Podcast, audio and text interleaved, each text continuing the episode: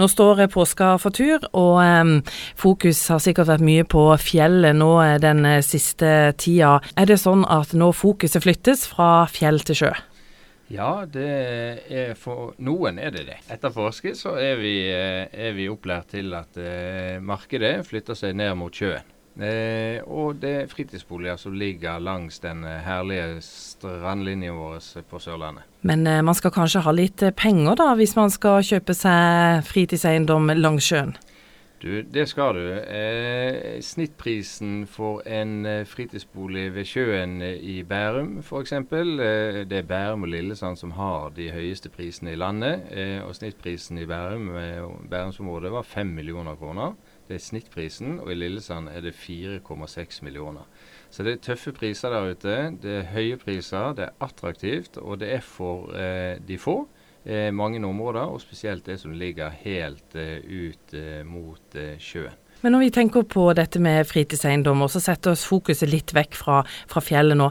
Men kanskje det er lurt å tenke litt fjell når det blir våre vår og, og sommer, med tanke på at da får man sett alt så mye bedre? Ja, det er et veldig godt eh, poeng, det. Eh, det er også faktisk eh, eh også eh, Hvis du tenker på å investere i en hytte på fjellet, om det er stor destinasjon, liten destinasjon, om det er stor hytte, liten hytte Men det er klart, når du er og kikker på disse eiendommene på vinteren, så ser du ikke tomta rundt. Eh, du ser ikke alltid grunnmuren, for det er meter eller halvannen meter snø rundt hytta. Eh, så det å bruke sommerhalvåret også til å faktisk se på fritidseiendommer i fjellet, er nok veldig lurt i forhold til den investeringen du skal gjøre. For da har du liksom helhetsbildet. Du ser realitetene i hva du faktisk investerer i, og du unngår kjedelige overraskelser. Og Er det sånn at man kanskje får litt mer for pengene hvis man velger fjellet? Ja, det er et eh, skille der. Eh, snittprisen på fjellet i eh, Agder er vel rundt 2,6 millioner, men det varierer veldig fra destinasjoner. Vi er heldige på Sørlandet. Vi har Hovden som en stor destinasjon. Der er det mer prispress. Men vi har mindre destinasjoner som Bortli, Ljosland, vi har Gautefall, eh, Brokke, som er absolutt attraktive skidestinasjoner eller vinterdestinasjoner, eh, hvor man kan få mye mer for pengene. Sånn at det er tilpasset litt eh, ulike lommebøker her, og hva man har muligheten til å kjøpe. Men mulighetsbildet er veldig stort. Men hvis man ønsker til sjøen, da, hvor er det man vil?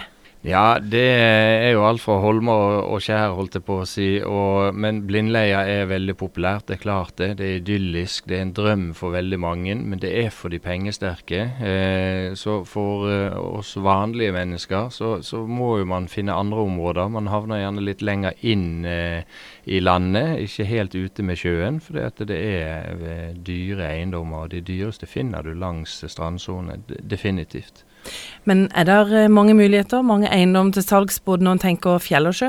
Ja da, og vi i DNV Eiendom har veldig fokus på uh, fritidsmarkedet. Både i fjellet og langs uh, sjøen, eh, sommer som vinter.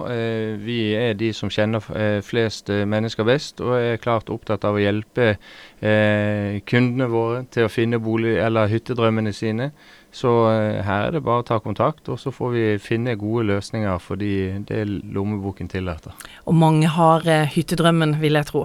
Ja, definitivt. Det er, det er, ikke noe du må ha, men det er noe vi drømmer om. For det er et fristed vi skaper oss for oss sjøl og familien og venner. Og det er for mange eh, en eh, drøm som også er oppnåelig.